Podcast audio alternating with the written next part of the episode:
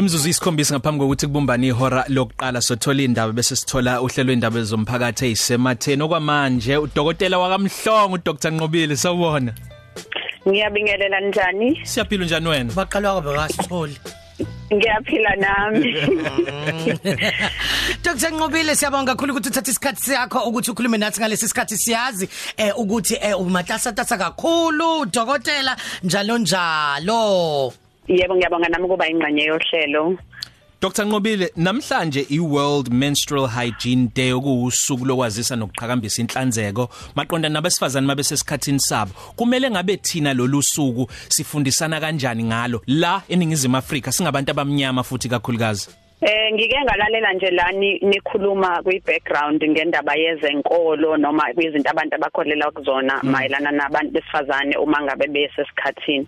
Okubaluleke kakhulu njengoba sifundisa namhlanje ngenhlanzeko ikona kanye ukuthi kumele umuntu wesifazane at least uma esendaweni yakhe yangasese ashintshe eh izinto lezi esisebenzisayo at least every 8 hours ukuze kungaze kube nephunga nabanye abantu beze bezutha lo muntu kukhona isimo akusona.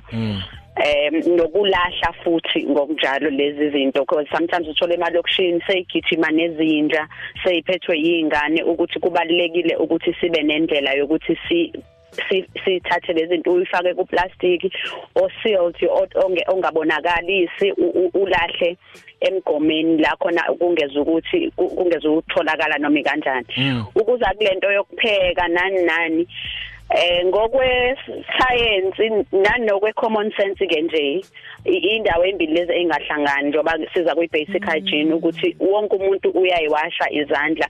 Ngale kwalokho kusho ngabe imndeni yonke ngoba phela le ndaba indaba yabantu besifazane bonke. Ngabadliwa ngaba kudliwa ngaba kwenziwa lutho.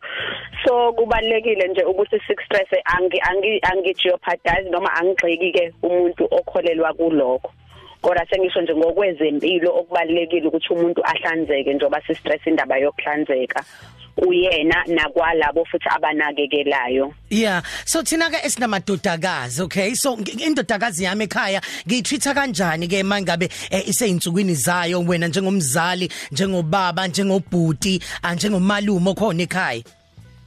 Ngicabanga ukuthi okubalekile ukuthi ilanga la namhlanje lizama ukubeka ukuthi isimo lesi wonke umuntu wesifazane adlula kuso.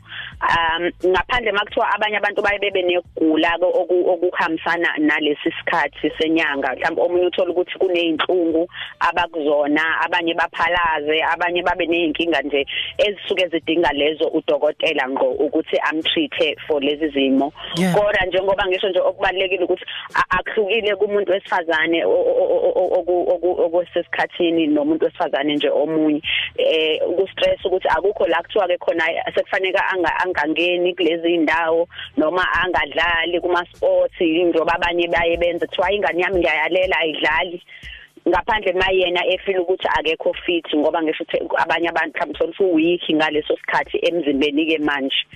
Kodwa ngokwesimo nje sakhe sokuthi uku- usesikhathini akusho ukuthi hayike usekufanele ayesulethwe azaqede bese kuba ikhani ke sihlangana naye as i society cha. Okugcina dokotela umuntu wesifazane nomuntu wesifazane kungafika la khona sezazi khona ukuthi mina isikhathi esiningi kuba yisonto lesibili enyangeni.